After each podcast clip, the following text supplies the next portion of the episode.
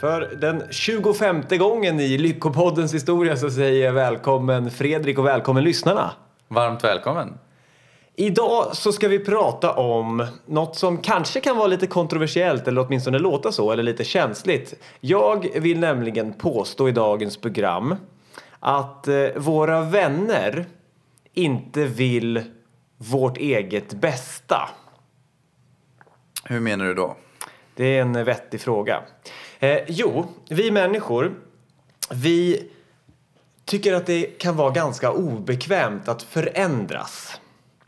Och när exempelvis eh, på en arbetsplats det ska genomföras en omstrukturering eller på något sätt något ska vara nytt. Det kanske handlar om att man bara ska eh, införa en ny tid för morgonmötet. Då kan det lätt uppstå ett litet motstånd och det är då för att jag tvingas som anställd ändra mina rutiner. Jag kanske måste komma en stund innan. Jag kanske alltid läste mejlen en viss tid och nu kan jag inte det. Eller jag kanske alltid stod och pratade med mina kollegor och började dagen med en kopp kaffe på ett visst sätt. Men nu när de har morgonmötet 15 minuter innan då kan jag inte det längre. Och det blir jobbigt. Eh, och på samma sätt då, den här att vi måste förändra kan kännas lite besvärligt för att vi är vana att ha det på ett visst sätt. Och hur drar du det här till dina kompisar? Jo, men det, dit ska jag komma, ser du. Mm. Eh, sam, på samma sätt, den här att förändras kan innebära motstånd gäller även i relationer. Så att om jag har en relation med mina, med mina vänner och sen så gör, genomför jag en massa förändringar inom mig själv.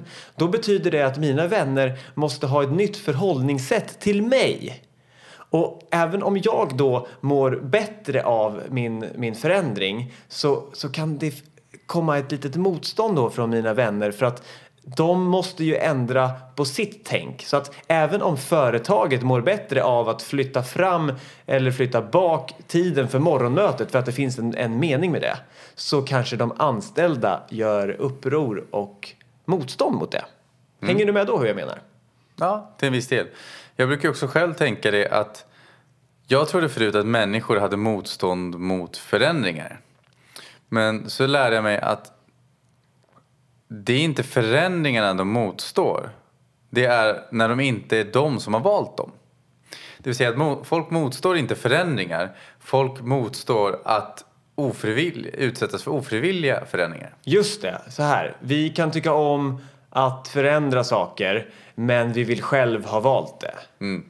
Så då tycker vi nog egentligen eh, samma sak. Det var intressant där när vi, när vi småpratade lite innan. Fredrik och jag för övrigt kan vi ju, kan vi ju berätta då. Vi vi planerar sällan våra program mm. överhuvudtaget egentligen. Vi, vi, kommer och sen så slår vi upp våra ljudgrejer och mikrofoner och sen småpratar vi oss fram till ett ämne som vi kan enas kring och sen kör vi. Men det här ämnet så var vi inte riktigt, vi, vi såg det här från olika vinklar men vi tänkte vi kastar oss ut och så får vi se vart vi hamnar. Så det här programmet har vi ingen aning om, som vanligt, vart det ska hamna.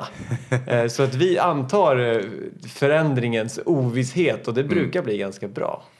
För det börjar med idén att det, bara för att alla andra gör det så betyder det ju inte att det är rätt.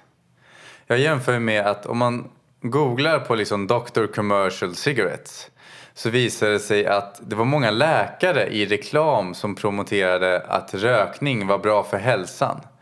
Det var bra för halsen och liksom, du fick en fräsch andedräkt och sådana saker. Och då, därför är jag väldigt jag brukar jämföra skeptisk och sunt skeptisk. Skeptisk är de som säger nej till allting. Sunt skeptisk det är de som fortfarande säger men ja, jag kan inte köpa allting du säger rakt av men jag kan analysera och liksom läsa på eller lära mig mer eller känna inåt i mina känslor så att jag lär mig mer kring det du säger. Just det, man är öppen för att ställa frågan varför utan att bara avfärda. Ja, och det kan ju vara som att i de här läkarreklamerna uh, det var både tv-reklam och så här tryckreklam så kunde det vara liksom, ja, att den här typen av det här märket det är den bästa för dig, Luckys liksom och de här olika. Ja, just det. Och då är det liksom att bara för att någon annan säger det som till och med har en utbildning som gör att man tänker att de här borde ju veta vad de pratar om. Det betyder inte alltid att de har rätt. Ja, just det.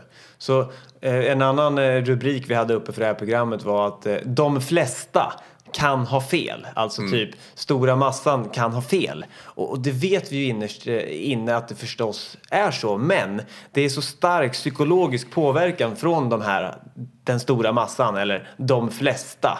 Så att, att leva då i, i ett samhälle där de flesta gör på ett annat sätt än jag har bestämt eller kommit fram till är bra för mig det är en stor utmaning och det kommer vi, det kommer vi prata om idag. Och, och en sån sak då är ju att om jag har bestämt eh, exempelvis att jag vill äta mer hälsosamt. Jag ska ta mitt exempel igen där här med att mina, eh, mina vänner vill inte mitt eget bästa. Det finns förstås vänner som vill det och exempelvis du och jag, vi, vi vill, tycker om att pressa varandra till, till förändring. Så att det här gäller inte alla. Men de menar också, många tycker om innerst inne vill ens eget bästa. Alltså jag brukar jämföra med anledningen till att vi reagerar på saker och ting, det är ju projektioner. Det vill säga att om jag inte tillåter mig själv att äta på ett visst sätt eller jag har satt upp mentala blockeringar som hindrar mig från att äta så hälsosamt och så går någon annan ut och gör det. Då provocerar det mig för det visar mig vad jag behöver bearbeta för att kunna leva lika hälsosamt. Just det, man kan säga så här då. Förmodligen så vill våra vänner oss eh, väl. Innerst inne så vill våra vänner oss vårt eget bästa. Men det är inte alltid våra vänner beter sig som om de ville vårt eget bästa. Och då tar jag det här exemplet med att om jag vill äta mer hälsosamt. Säg att jag från början, du och jag Fredrik, vi träffas alltid nere på en pizzeria här. Eh, varje, varje söndag så, så går vi igenom helgens eh, feststrapatser på lördagen och sen så sitter vi och eh, på något sätt skapar en gruppkänsla kring att det är söndag, det är dagen efter och vi är bakfulla och vi tar vår traditionella bakispizza. Där har vi liksom en, en Med extra vänskaps- bea liksom. Ja, med extra allt. Ja. Eh, där har vi en, en, en typisk relation som det skulle kunna vara. Men om jag då från en söndag till en annan bestämmer mig för att ta sallad. Så att du beställer din pizza som vanligt. Du säger det när, när de, ja, den här ser, servitören kommer ut där. Ah, men det är gamla vanliga med extra bea och en stor cola liksom. Det säger du först. Och sen kommer jag och säger, ja ah, men idag så tar jag faktiskt en sallad. Och du, vi tar bort det där brödet som jag brukar få vid sidan om också. En, en ren sallad, det blir perfekt. Och så dricker jag vatten till. Så helt plötsligt när jag gör, gör mitt beslut att ta en sallad i samma stund som jag meddelar det, då blir ditt, din pizza blir så att säga helt plötsligt mycket onyttigare än vad den var innan. För nu får du jämföra med salladskillen bredvid. Och då skulle det kunna vara så att då tycker du att jag sätter dig i en jobbig situation där du tvingas känna dig onyttig och det gjorde du inte innan. Och då skulle du kunna eh, försöka eh, övertala mig att nej men du ska du inte ha den där kebaben eller den där pizzan med extra allt och bea istället. Kom igen nu, var inte så där. Varför värst var att du blev viktig här då? Och det är precis den, den reaktionen jag menar. Jag har märkt också att vi kan väcka den ibland hos människor. Hur menar du då? Jo, jag kom på mig själv för att jag har nämligen, när jag kommer ihåg när jag slutade med eh, vete och gluten. Det jag fick jobba på då var i, mer på vad kommer andra människor säga? Och då, då, då hade jag skapat någon bild på något sätt att jag behöver försvara mig. Så att om någon frågar liksom så att, ja varför äter du inte det? Istället för att säga att nej men jag tycker inte om det. Då kände jag att jag behövde beskriva i detalj varför jag hade gjort mitt val. Det är som att jag behövde rättfärdiga att nej, men jag gjorde det här valet på grund av det här. Och då fick jag en massa följdfrågor på det. Och då märkte jag många gånger att jag, genom att jag gick in i försvar från början, var den som väckte frågeställningarna hos de andra människorna. Det intressanta var då, och så hade jag likadant när jag, jag har varit en festprisse en gång i tiden. Och när jag drog ner på drickandet, det vill säga att jag dricker i stort sett nästan aldrig nu för tiden. Då trodde jag att jag behövde förklara mig. Liksom om någon säger så här, ja, men varför dricker inte du? Och så försökte jag göra en beskrivning istället för att säga, nej men jag är inte sugen ikväll. För jag märker om jag bara säger så här, nej men jag känner inte för det. Då brukar de flesta säga, ja, ja, ja. Just det, så att om, om du kände att du behövde förklara dig, då Mm. väckte du ett samtal om det som du helst kanske inte skulle vilja ha ett samtal om. Ja, för jag tror att det som väcks hos de andra människorna är att då blir jag en predikare. Och då känner de att jag nu försöker förklara för dem hur de borde leva. Just det, då, om du och jag kö- sitter och ska käka pizzan där igen så och om jag drar, äter en, en sallad istället så, så kan du uppfatta det som att jag för, på något sätt eh, tycker att du också borde ta en sallad. Nej, det var inte om man bara åt salladen. Utan då är det att du tycker att du borde äta salladen. Det är snarare så här att om du äter salladen och så frågar jag dig, men oh, Viktor, hur kommer det sig att du börjar med sallad och vatten eller plötsligt? Det är inte likt dig. Och så börjar du säga, nej men du vet, jag har läst de här artiklarna och du kan liksom få cancer av eh, de här grejerna och alltihopa. Då, har ju, då blir det som att om du går in i försvarsställning då kan det upplevas av den som får höra informationen att nu försöker du predika för dem varför det här är onyttigt. Just det, jag försöker omvända dem också.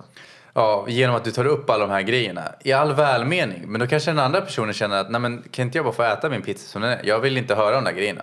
Men vad ska vi göra då? Eh, För att de här situationerna uppstår nog för oss alla, tänker jag. Vad, ska, vad är bästa sättet att eh, bemöta ja, ens, ens, om, när man förändrar någonting? Om jag börjar vilja äta sallad, vad är bästa sättet att eh, ta, ta hand om den här pizzeria-situationen? Jag brukar ju skriva ner situationer i förväg om jag ska byta ett beteende ibland. Alltså till exempel som när jag slutade röka. Jag rökte ju liksom ett, två paket om dagen. Och en övning som hjälpte mig väldigt mycket, för helt, idag är jag helt rökfri, det var att jag skrev ner vilka situationer tror jag det kommer vara jobbigast. Och då skrev jag ner på papper, vilka situationer tror jag att det kommer vara jobbigast att inte röka? Och sen på andra sidan, alltså på vänster sida skrev jag ner de jobbiga situationerna, dra ett streck i mitten. Och på den högra sidan skrev jag, hur ska jag hantera det? Hur vill jag att det ska vara?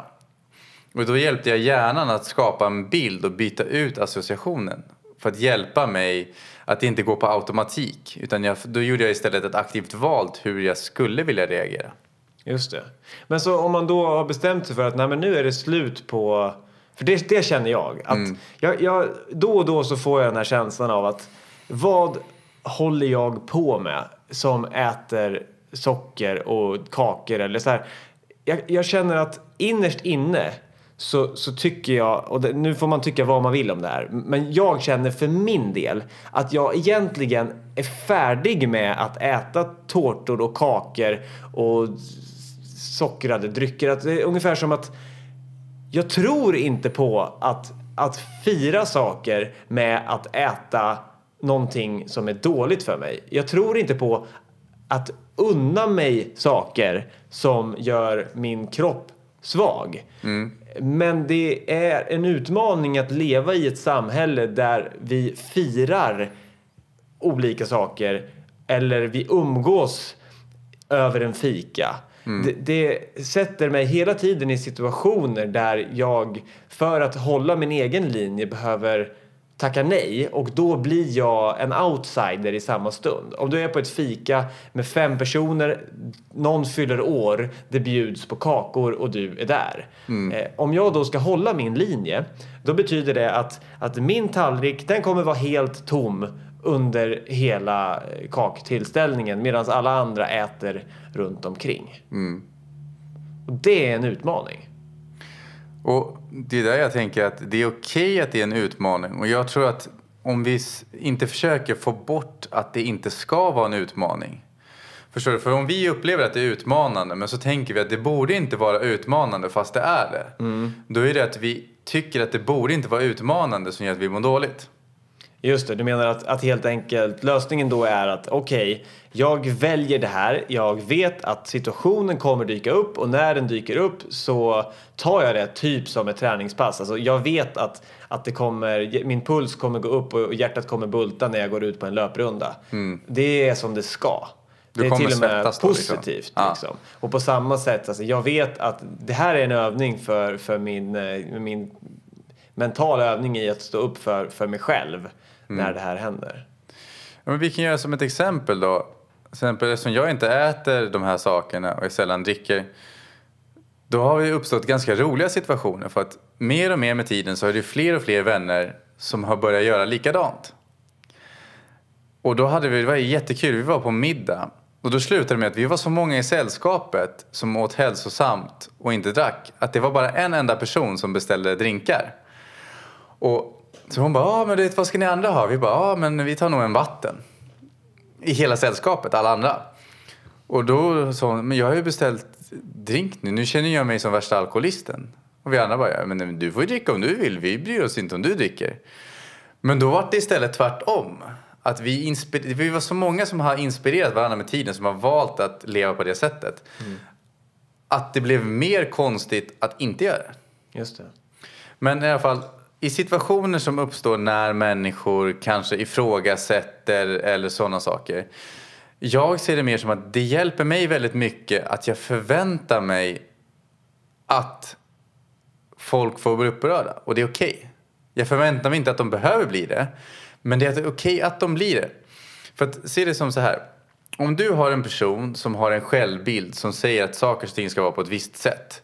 Och så kommer någon och visar att det finns ett, kanske ett mer hälsosammare sätt. Det första som kommer ske hos den personen, även hos dig när du utsätts för sådana situationer, det är att det undermedvetna tar upp till ytan alla saker du behöver bearbeta och släppa taget om för att kunna också leva på den nivån. Just det, man skulle kunna säga så här då. Om jag sitter vid det här fikabordet, jag är på ett kalas någonstans, någon fyller år, det är kakor och tårta som serveras. Mm. Eh, den som blir mest retad av, den som stör sig mest på att jag inte vill ha eh, kakor och tårta, det är egentligen den som kanske mest behöver fundera över den här frågan själv och vart de står. Kanske skulle den personen önska att den också kunde eh, hålla sig borta. Mm. Men om de inte tillåter sig själva göra det på ett undermedvetet plan så tillåter de inte dig göra det heller. Just det, så att de är egentligen arga på, på sig själva för att de inte har tagit itu med den här frågan. Men det är lättare att vända det mot någon annan. Mm. Så att eh, när jag säger så här, jag, jag är så arg på att Fredrik inte förstår mig. Mm. Då betyder det egentligen att jag är arg på mig själv för att jag inte förstår mig. För mm. att om jag förstod mig fullt ut eller om jag förstod dig fullt ut då skulle jag förstå att jag måste inte ha din förståelse för att kunna vara lugn och nöjd i mig själv. Ja, och det är där som det har gått i olika steg för mig att när jag lever det livet Idag kan jag ta en drink utan problem. Du och jag har pratat tidigare om att ibland kan det vara att testa att gå all in på en sätt för att avvärja sig helt och sen kunna hitta mellantinget. Liksom. Mm. Men vete och gluten undviker jag fortfarande. Men jag tror det som har förändrats för mig är att andra behöver inte förändra sig. Många när de går in i en roll att de ska förbättra någonting då vill de gärna ha med alla andra på spåret för att bekräfta att de inte är onormala. Just det. Istället ser det som att det är okej okay att jag är onormal och de får bete sig precis som de vill. Jag behöver inte förändra dem. Och blir de provocerade av det jag säger då kan jag fortfarande stå på mig men jag behöver inte predika för dem varför de ska förändra någonting. Mm. Ja, men jag, jag, jag, tror på det här också. Eh, att, att, att, helt enkelt veta om att det handlar ju egentligen om att vara sig själv. Att, va, att våga vara sitt eget val. Att, att jag sitter här och funderar på okej, okay, hur vill jag förhålla mig? Vad vill jag stoppa i min kropp? Och sen är det ganska enkelt att gå till mataffären och handla de sakerna och äta dem. Men det är ju när jag kommer ut bland andra människor som har andra val som jag sätts på prov om jag klarar av att leva det här på något sätt. Och att, att då vara förberedd på, på situationen. Helt enkelt vara förberedd på eh, var förberedd på motstånd och om du är förberedd på motstånd så, så kommer du klara av det. Mm. Och inte förvänta sig att man behöver försvara sig. För då gör det många gånger att man förklarar mer än man behöver och det i sig skapar problemen. Mm. Alltså istället, låt säga så här, om du vill ha byta hälsa, nu pratar vi hälsa, men det kan vara vad som helst som du vill förbättra i ditt liv. Att om någon undrar någonting, liksom, kan du svara lite eh, kortare? Att du behöver inte gå in i försvarsställning och förklara. Just det, men att man låter folk fråga och om de frågar då kommer man svara. Ja, och även om de frågar att man jag brukar tänka, jag, många frågor av nyfikenhet. Även om det kanske låter irriterat i tonen så är de på något sätt nyfikna. Mm. För att jag har ju varit med om situationer där jag själv kanske har gått in i lite irriterande, liksom blivit småirriterad, men jag fortsätter ställa frågor. Men så ger den andra personen så bra svar att jag bara, men gud, ja men det ligger, det ligger ju faktiskt någonting i det du säger och då kan jag, då kan jag öppna upp för det. Så att även om jag, många människor kanske låter irriterade så kan de vara nyfikna. Just det.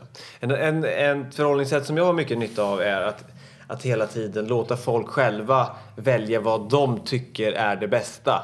Eh, och att inte försöka säga att, att min väg är bättre än någon annans väg. Och, eh, exempelvis då så äter jag numera vegetariskt i- jag försöker äta 100% vegetariskt men om jag blir bjuden på fisk så brukar jag äta det ändå. Eh, för, för att jag väljer att äta det. Eh, men då brukar jag säga att då kommer ju oftast frågorna så här, ja men hur, hur, har du kommit in på det här? Eller har du alltid varit vegetarian? Eller så. Och då säger jag att nej, nej det har jag inte. För, för ett år sedan så, så åt jag fortfarande både kyckling och fisk och för ett och ett halvt år sedan åt jag både kött och kyckling och fisk och korv och allting sådär. Eh, och att det här var någonting som, som jag kom på stegvis att det passade mig bättre. Så att jag har levt då i, i näst, liksom 90 procent av mitt liv eller mer eh, och ätit kött och ätit korv och ätit allting. Så att hur skulle jag då kunna fördöma någon som fortfarande är på den platsen där jag var för, för ett år sedan? Det är inte bättre eller sämre och, och den här måste, viljan att förändra någonting måste komma från, från Inifrån. inifrån hos var och en av oss. Och det här har jag funderat en hel del på just att eh, jag vill påstå att, att vi människor gör ingenting för någon annans skull. Alltså vi kan vara vänliga mot någon annan, vi kan hjälpa någon annan och det hörs ju på ordet då så här, eller på så här, jag, jag vill gärna hjälpa dig med det här. Om vi tar den meningen. Jag vill gärna hjälpa dig med det här. För vems skull gör jag det då? Jag vill gärna hjälpa dig. Så jag, jag vill hjälpa dig och det är bra för dig att jag hjälper dig och jag vill ge min, eh, min liksom uppmärksamhet och kraft. Det kan vara bra, behöver inte vara det. Nej, men om vi nu säger att det är Ja. det. Så du har någonting som du skulle vilja ha hjälp med och jag vill hjälpa dig med det. Då, så, gör jag det för din skull då? Nej, det hörs ju egentligen på den här meningens eh, uppbyggnad att jag vill hjälpa dig. Och om jag vill någonting, då gör jag ju det för min egen skull. För att jag vill det. Och sen så blir det ett bra resultat för dig. Ja, men det har vi pratat om förut och då kan ju många tänka sig, nej men du gör ju det för min skull. För att jag behöver hjälp. Men vi gör ju ändå det för att du gör ju ändå det då för att du mår bra av det. Mm. Jag mår bra av att ge dig hjälp. Och skulle jag be om någonting som går emot dina värderingar så skulle inte du vilja hjälpa mig. Precis. Så att här menar jag på att, att det enda sättet egentligen att få en annan människa att, eh, att ändra på någonting är att få den människan att själv komma på att den vill ändra sig. Och det är därför som egentligen eh, lagar och regler och påtryckningar och kanske till och med hot och så eh, har direkt motsatt effekt. Och det, det här är eh, jag tycker det är intressant. Man, man kan läsa om de så kallade rörelselagarna. Nu blev jag plötsligt osäker om det är Newtons rörelselagar. Det här, nu sitter det säkert någon lyssnare som har stenkoll på det här och det här visste jag så sent som igår. Men lite blackout. Är det Newtons rörelselagar? Hur, hur som helst. Om, om jag säger någonting eh, med kraft till dig. Du ska ändra på det här. Om, om det då inte är i linje med vad du själv har lust att ändra på så kommer den kraften som jag riktar mot dig ta dig med motsvarande kraft ifrån det jag säger. Så att om jag försöker tvinga dig till någonting då kommer du få lust att göra motstånd mot det jag försöker tvinga dig till. Så att om jag försöker pådyvla någon annan att de ska bli vegetarianer då får det motsatt effekt. Och det här tycker jag är intressant. Har du, har du själv, eh, ja, köper du den här teorin? Till en viss del. Ibland tror jag det var, kan vara bra att säga åt någon på skarpen också. För vissa människor, jag har ju själv varit med i en situation när jag hade en person som sa åt mig på skarpen. Och jag, var, jag reagerade som, en, ah gud, vad intressant. Och då hade jag lärt mig om feedback då, så då kunde jag ta emot feedback. På ett sätt som att den personen behövde inte säga det på ett visst sätt för att jag skulle kunna ta till mig det. Eh, Men det gjorde ju att jag kunde fortfarande ta till mig informationen. Jag behövde att de, personen sa det lite hårdare.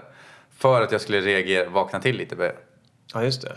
Sa, sa den här personen det i ilska också eller var det mer så här medvetet? Nu ska jag säga, säga hårt. Irritation. Just det, och då väckte det en vilja eller en fundering i att, eh, att analysera det här. Vad 17, det, tänk om personen har rätt. Precis. Ja, så det, ibland kan det vara bra att personen är irriterad och säger ifrån på ett irriterat sätt. Ja, det är intressant. Men jag, jag tror också så på feedback. Jag förväntar mig inte på att... Jag försöker alltid förmedla så gott jag kan. Det är inte alltid jag lyckas. Förmedla feedback på ett sätt som hjälper den andra personen så att de känner att jag gör det med välmening. Men jag förväntar mig inte att andra människor behöver göra så mot mig. Nej. Och den, då när den här personen, jag vet inte vad det var för, för situation, men då när den här personen irriterat sa ifrån och du då gjorde en förändring och tog till dig av, av personens budskap, då ville ju du det. Så du gjorde ju, även om, om det var irritationen som, som fick dig att tänka efter, så, så var det ju, när förändringen sen skedde så var det ju för att du valde att, att göra, göra den här förändringen. Så att eh, vi förändrar bara saker när vi själva vill förändra dem. Men kan det inte vara lite så här då att du kan säga saker till människor hur du vill i stort sett. Nästan. Och vill de förändra kommer de göra det, vill de inte så kommer de inte göra det. Just det. Om man går tillbaka till den här jobbsituationen som jag inledde det här programmet med att, att eh, företagsledningen bestämmer att vi ska flytta morgonmötet. Och då kanske det blir en massa protester från, från folket där, de anställda som egentligen inte vill det. Och så att därför så snackar de skit och säger att nej men det är jävla elände att flytta den här tiden och vi som ska ha våran morgonkaffe och de håller bara på. Men, men lik förbaskat så står de där uppe klockan kvart över åtta på den nya mötestiden. Och då kan man säga så här, är de tvingade att gå dit? Det kan ju verka så, för att eh, företagsledningen har ju sagt det. Men om jag då som anställd muttrar och sen ändå går upp dit i kvart över åtta, då på ett, på ett plan så vill jag ju faktiskt gå upp dit för att jag vill hellre det än exempelvis att riskera att mista mitt jobb eller att strunta i mötet och stanna kvar som enda anställd. Så, att, så överallt så har jag ju tagit ett beslut om att vilja egentligen. Det har man. Det som jag har fungerar bäst för mig i alla fall av de förbättringarna och förändringarna jag gjort i mitt liv. Det, är, det första är att ofta när vi skapar en förändring så skapas ett tomrum. Låt säga så här, om jag umgås med vänner som är väldigt ohälsosamma och jag känner att jag kanske just under en period inte vill vara med dem ute och supa. Ja, då kommer det ju vara en period där du på kvällarna inte har någonting att göra upplever du. Och då lite, vad heter det, att låta det vara ett tomrum eller fylla det med andra roliga saker. Det var ju det jag gjorde. Jag försökte hitta på andra roliga saker. Eller jag planerade, försökte hitta på roliga aktiviteter tidigt dagen efter. Som jag hade en anledning till att gå och lägga mig tidigt så jag var motiverad. För att gå upp tidigt på morgonen. Så att ena grejen är att lita på att det är ett tomrum. Har du umgåtts mycket med festprissar och du kanske inte har umgåtts med mycket som hälsosamma människor. Om du försöker lära känna nya hälsosamma människor och inte följer med de andra ut så kommer det ju vara en tid där du inte har lika mycket att göra eller lika många vänner att umgås med. Och lita på att det kommer ordna sig om du engagerar dig i aktiviteter som du vill göra. Istället för att gå ut och leta efter människor som är, tränar mycket, gå ut och gör de sakerna som kanske är, gå till gymmet och träna, gå på aktiviteter där du träffar människor som redan är i de miljöerna. Men du går inte dit för att träffa människor, du går dit för att du vill gå dit. Just det. Då blir, då blir omställningen naturlig. Eh, och att eh, precis där förbereda dig också på att det är ändå en omställningsfas. På samma sätt som om, om jag jobbar på en arbetsplats idag så känner jag alla mina kollegor. Eh, och men sen så bestämmer jag för att det här är inte jobbet för framtiden för mig. Så det, då byter jag till ett annat jobb. Det kommer ju vara en period då jag är ny på mitt nya jobb och inte har hunnit få den eh, sköna liksom, eh, kontakten med kollegorna. Men genom att vara där, genom att vara på mitt nya sätt genom att vara min nya förändring så kommer jag ju att lära känna människorna där på mitt nya jobb och på samma sätt utanför jobbet om vi genomför en förändring som framförallt påverkar hur vi, hur vi gör och vad vi gör utanför jobbet. Ja, även om man väljer att starta eget. Om man går från anställd till att starta eget eller om man byter bransch helt. Man känner för att Nej, men det, det här var inte ens i närheten. Jag vill byta bransch helt och hållet. Att om, man, om jag har märkt, om man förbereder sig på att det ska vara, det kommer vara tuffa perioder och så här kommer du att hantera dem. Då blir det mycket bättre. Det finns en bok av Charles Duhigg, jag vet inte om man uttalar namnet sagt, som heter The Power of Habit. Och där går de igenom människor som typ har opererat höftleden. Det vill säga att de har typ de har behövt krossat den eller något sånt. Ja, Alltså någon, det- någon sorts höftledsoperation i alla fall. Ja, där de har, jag kommer ihåg om jag kommer ihåg rätt så har de krossat, lyckats krossa delar av den. Ja. Och det säger sig självt. Det är inte så skönt att gå då. Men det var tydligen det en del av dem behövde, en del av sin rehabilitering. Att de behövde röra på höftledskulorna, vad det nu var, för att den, den skulle växa på rätt sätt. Ja. Och då gjorde de en undersökning att då var det vissa människor som var uppe och rörde på sig och andra människor gjorde ingenting. De tyckte det var för smärtsamt. Och då gjorde de en analys på vanorna. Vad var det som fick vissa människor att de var uppe och rörde på sig trots att det gjorde ont och andra blev paralyserade av smärtan? Och under de här studierna när man analyserade liksom, vad var det som fick vissa människor att faktiskt följa de råden som läkarna gav så var det att de människorna som lyckades bäst förberedde sig på att det kommer bli tufft, det kommer bli jobbigt och de förberedde sig oftast mentalt för hur de skulle hantera det. Då var det till exempel om du tog en person som inte lyckades skapa en förändring de fick höra att du behöver gå på, du behöver röra på dig, åtminstone gå så här många meter varje dag eller så här många minuter för att det ska läka på bästa sätt.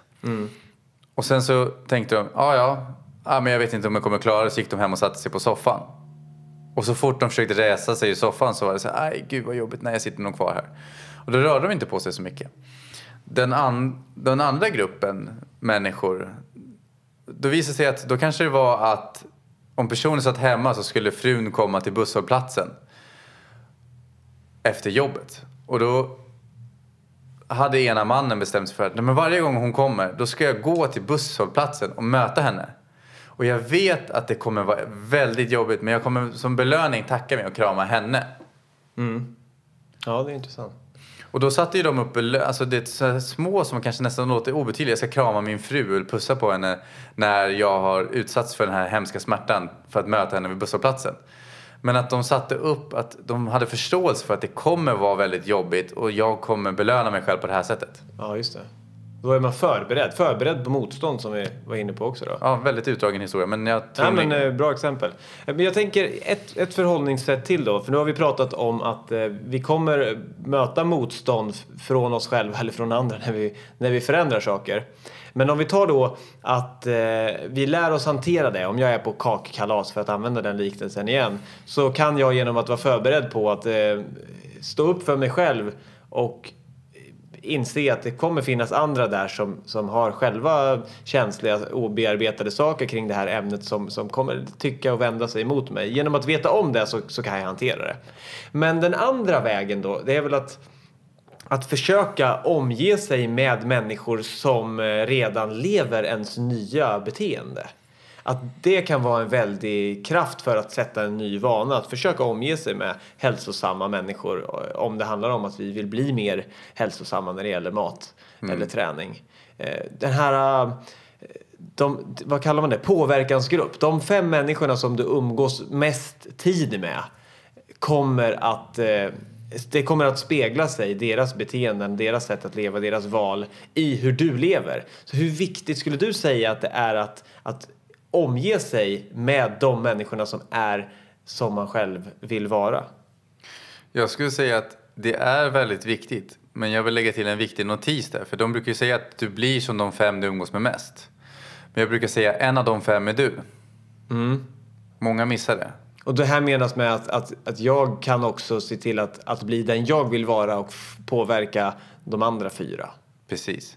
Det vill säga att hur du tänker påverkar hur du är som person. Och ibland fastnar människor på att jag måste förändra dem jag umgås med. Men de förändrar inte sig själva. Vi tar ett exempel. Om du har en person på fem människor som är jättenegativa. De klagar, de gnäller och alltihopa. En grupp av fem människor. Ja. Och så tycker du att, men jag som är så positiv. Det det är alltid jag som behöver lyfta konversationerna med de andra och alla de här sakerna. Då jag reflektera. om alla runt omkring dig är negativ, kan det vara så att du också är det? Mm. Förstår du? För att om du har en massa positiva människor, då umgås ju de gärna med positiva människor. Om du har massa negativa människor så umgås de gärna med negativa människor. Tycker man att jag är den positiva som alltid behöver förbättra de andra, då kanske det är så att du faktiskt också är negativ, men inte vet om det. Just det, tänk om, om alla fem då egentligen är negativa och alla kanske sitter på varsitt håll och säger att jag umgås med så negativa människor, jag borde byta grupp. Men att lösningen då egentligen vore så här, men shit, jag, jag kan bli mer positiv och jag tänker gå före och i bästa fall så hänger de på mig, men gör de inte det så tänker i alla fall jag vara positiv. Och Ja. då får man se vad som händer. Ja, och att även inte försöka tvinga de andra till en förändring. Jag hade en period jag umgicks med människor som var negativa. Och jag kom själv till insikten att om jag umgås med någon, det betyder ju oftast det betyder att jag är negativ. Och då vill jag förändra det och börja utveckla mig själv och bli positiv och sådana saker. Då märkte jag mer och mer att vi kanske inte ville umgås lika mycket. Och till slut så insåg jag att jag kommer nog inte vilja fortsätta umgås med de här. För jag vill inte sitta i diskussioner där jag behöver hela tiden försöka vrida och vinkla samtalen så att de blir positiva för jag tycker de klagar för mycket. Och det hjälpte mig så mycket då för då var det en kompis för jag tänkte så att det är ju taskigt att lämna dem och dessutom vet jag inte vem jag ska umgås med istället. Men då var det en kompis som sa du är mer taskig om du är kvar och inte accepterar dem som de är än om du lämnar dem. Just det, just det. Ja, för då tar man den där... äh, Nu är vi tillbaks på pizzerian igen. Eh, det handlar ju lika mycket för mig om att när jag tar en sallad att acceptera att min vän, att du fortfarande vill äta pizza. Om jag försöker få dig att också äta sallad då har inte jag accepterat hur du är. Och om du försöker få mig att gå tillbaka till pizza då har inte du accepterat hur jag är. Så att det handlar ju om den, att acceptera alla som de är. Det, det låter ju i och för sig väldigt enkelt. Det, det låter ju som någon sån här eh, ja, kampanj. All, alla måste få vara som de är. Men, men det är ju, samtidigt är det ju så, det är ju så himla sant. När man kokar ner stora resonemang så brukar de oftast mynna ut i, i något väldigt enkelt. Eh, och det är väl det det handlar om här också. Du säger det bra ibland att eh, behandla andra så som du så som du vill bli behandlad själv. Men då säger du att hellre behandla andra så som de vill bli behandlade av dig. Det tycker jag är en skön skillnad. Och det kräver ju då en medvetenhet förstås. Det här, då behöver vi vara medvetna och eh, närvarande i oss själva för att överhuvudtaget ha energin och perspektivet att kunna behandla någon annan så som den vill bli behandlad istället. Och då handlar det också om att ta reda på vad den andra människan vill. Mm. Jag tyckte det var så kul. Det var så lärorikt för mig när jag ville lägga om min kost och äta nyttigare. Eh, för att jag vägde mer förut. Och då kommer jag fortfarande ihåg att vi var på fika hos en granne. Och jag tänkte så här, gud, jag hade så svårt att säga nej när människor bjöd på kakor och grejer liksom och sånt. Även fast jag inte ville. Jag hade sagt till mig själv liksom att jag ska inte göra det här nu. Och det var så lärorikt då, för då träffade jag på en granne som jag var på fika. Och då kommer hon med nytt fikabröd och så säger hon Ja, nu när jag visste att ni skulle komma då bakade jag det här fikabrödet för er. Det är en ganska vanlig situation. Jag kan känna igen mig det. Jag kan fortfarande tycka att, att det är svårt. Fortsätt historien. Och då, första som dök upp hos mig, det var ju ångest. ja. För att då tänkte jag, men gud, har hon stått och bakat för min skull? Det måste ju minst ha tagit en timme. Då får jag verkligen, alltså det, om jag säger nej till det här nu, då kommer ju hon bli besviken på mig. För hon har ju stått i en timme för min skull och gjort det här. Tills jag insåg att hon har inte alls gjort det för min skull. Hon gjorde det för sin skull, rakt av. Hade hon gjort det för min skull hade hon frågat, äter du fikabröd? Nej. Nej, men då tar vi en sallad. ja, just det. Så hon gjorde det för sin skull. Hon stod och bakade brödet för att hon ville äta brödet under fikan. Ja, men också för att hon, tänker jag som hennes advokat. också för att hon tänkte att du skulle bli glad av det. Ja, hon, men tänkte hon det? Jag tror hon ville ha en positiv respons av mig, men tänkte hon att jag skulle bli glad av det? För då hade hon frågat mig. Hon Ja, hade ju en kanske. bild av att jag är glad. Men hon antog det utifrån basen av att hon tycker om fikabröd. Och hon tror att folk tycker om fikabröd. Men hon frågar ju inte mig om jag tyckte om fikabröd. Nej just det, hon, hon gjorde så här. Behandla andra så som, som du själv vill bli behandlad. Ja. För att för hon hade ju blivit jätteglad om, eh, om hon hade fått fikabröd. Ja. Om hon hade kommit till dig istället så hade ju hon uppskattat väldigt mycket om du hade gjort fikabröd. Mm. Så att det var ju en god, Alltså gärningen i sig är ju fortfarande egentligen. god. Ja, precis. Men det hjälpte mig att inse att hon gör det för att hon tror att hon tycker om fikabröd. Hon har ju aldrig frågat mig om jag gillar det. Nej, just det. Så, Alltså i grund och botten så är gärningen god från hennes sida. För hon, hon tror ju att det här kommer göra så att jag mår bra. ja. Men det hade ju med henne mer att göra än det hade med mig att göra. Det här är ju en sån här bibelgrej och det, jag, jag är inte så superpåläst här så att alla som vet exakt hur det uttrycks eh, får ha överseende om jag säger fel då. Men just att så här, behandla din nästa så som du vill bli behandlad själv. Men då tänker jag att då skulle det här, ja egentligen borde det vara så att behandla din nästa så som din nästa vill bli behandlad. Att det skulle vara mer eh, rätt då så att säga och att det skulle tyda på att, att de här Jesus-orden egentligen inte är fullständiga. Men jag tror att de ändå är det. För att bli, nu ska vi se om jag får ihop det här. Jag behandla din nästa så som du vill bli behandlad själv. Alltså jag ska bli behandla dig så som jag vill bli behandlad. Och jag vill ju... Jag, jag, Drar du det riktigt långt så vill försöker- du bli behandlad som du vill bli behandlad. Ja, Alltså vi, jag försöker... nu tänker jag på högvarv här. Hur, ja, hur menar du? Jag menar att de här två sakerna egentligen är samma sak. För jag skulle vilja att du behandlade mig så som jag vill att du behandlar mig. Ja. ja, men i grund och botten, om du drar det riktigt långt så blir det så. Bara att det här Ja. kanske är ett förtydligande, ett steg innan liksom. Just det, så det, min poäng är att eh, bibel, bibelmeningen är fortfarande fullständig. Det är bara att vi tenderar att inte eh, följa den fullt ut. Om vi lägger till en beskrivning som förklarar lite mer kanske. Ja, just det.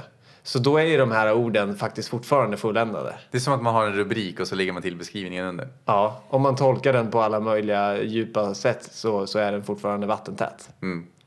Ja, men om vi går tillbaka till att vi, vi gör ju de här, när vi bjuder, när vi köper presenter till människor så gör vi ju det för att vi tror att vi tycker om den. Många gånger, eller att liksom, och det kräver ju mer eftertanke att hålla koll på vad andra tycker om och gör. Mm, just det. Det är helt enkelt ett steg för enkelt att bara behandla folk så som jag själv vill bli behandlad. För det stora är att ta reda på hur någon annan vill bli behandlad och sen behandla den så. Precis, för jag tror att det svåra är att de flesta vet inte själva hur de vill bli behandlade. Nej, För om jag frågar dig liksom, "Men vad önskar du dig? Så svarar många, jag vet inte, det är så svårt att säga, men liksom du vet, ja.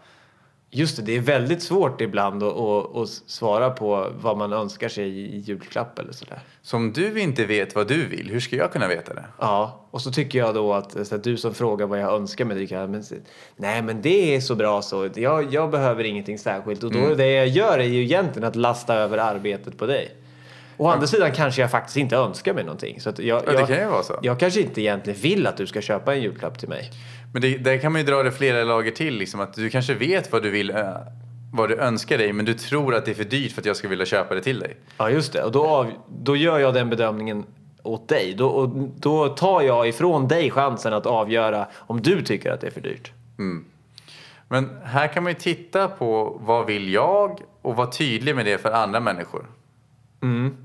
Det, det är det vi måste koka ner det mesta till egentligen. Att, att om jag själv inte vet vad jag vill, alltså om jag inte är medveten om hur jag tycker och tänker, då, då, då funkar ingenting ju. Mm.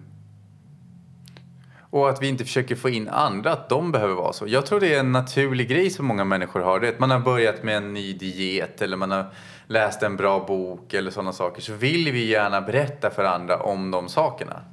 Men det var så insiktsfullt. Låt säga så här att om du har köpt en ny bil. Du älskar liksom läderdoften och känslan i sätena. Du har till exempel en nya gar, då har du massage i ryggstödet på bilsätet. Liksom. Och den spinner som en katt när du kör på vägen. Är du väldigt nöjd med den upplevelsen kommer du, du är en av de bästa bilförsäljarna då som finns. För du kommer ju prata om den bilen förmodligen till väldigt många människor, åtminstone i början, kring hur mycket du älskar den, hur mycket du tycker om den och alla de här fördelarna. Spinner som en katt. Sen så kanske det råkar vara så att du älskar den men du hamnar bredvid en person som hellre tar en promenad än åker bil. Ja, och som inte ens pratar om bilar helst. Ja. Eh, Himla massa eh, intressant. Eh, dina vänner vill inte ditt eget, ditt bästa. Det, var, det är rubriken på det här programmet. Men, men då när vi har pratat om det på en, en massa olika sätt och nivåer nu så kan vi då istället säga att eh, Precis som i Bibeln där. Eh, egentligen, ja skit i bibelreferensen. Dina vänner vill visst ditt eget bästa innerst inne men det är inte säkert att de beter sig så. Och det jag kan lägga till då. Om du tar hand om dig för mig så tar jag hand om mig för dig. Alla ska vi ta hand om oss själva, sätta på oss vår egen syrgasmask först för att sen kunna ge syre till andra. Ja. Och att, om, att jag tar hand om mig kan innebära att jag inte umgås med dig och det är ett sätt att ta hand om dig. Just det. Det blir lite filosofiskt. Det är Ja. något, vi måste inte reda ut allting. Vi kanske ska nöja oss där eh, för idag och tacka alla fantastiska lyssnare för att ni är med oss vecka efter vecka. 25 veckor har vi hållit på nu. Mm. Ja, och jag får också tacka både dig och lyssnarna och tänker mer stå på er och lev som du vill och då kommer du inspirera de som vill att göra detsamma. Det är det jag vill koka ner det till. Ja, var en föregångare. Ja, och utan att försöka pracka på någon. Utan istället var en föregångare, lev det livet så att människor som, då får de själva välja. Om de vill bli inspirerade eller inte. Och vill de bli det, då får de vara det. My life is my message. Gandhi. Är det? Det tror är det. väldigt många kloka citat. Det var ju Ja. Gandhi. Ja, tack så mycket. Tack ska ni ha. Ha det bra. Hej hej. hej då, hej då.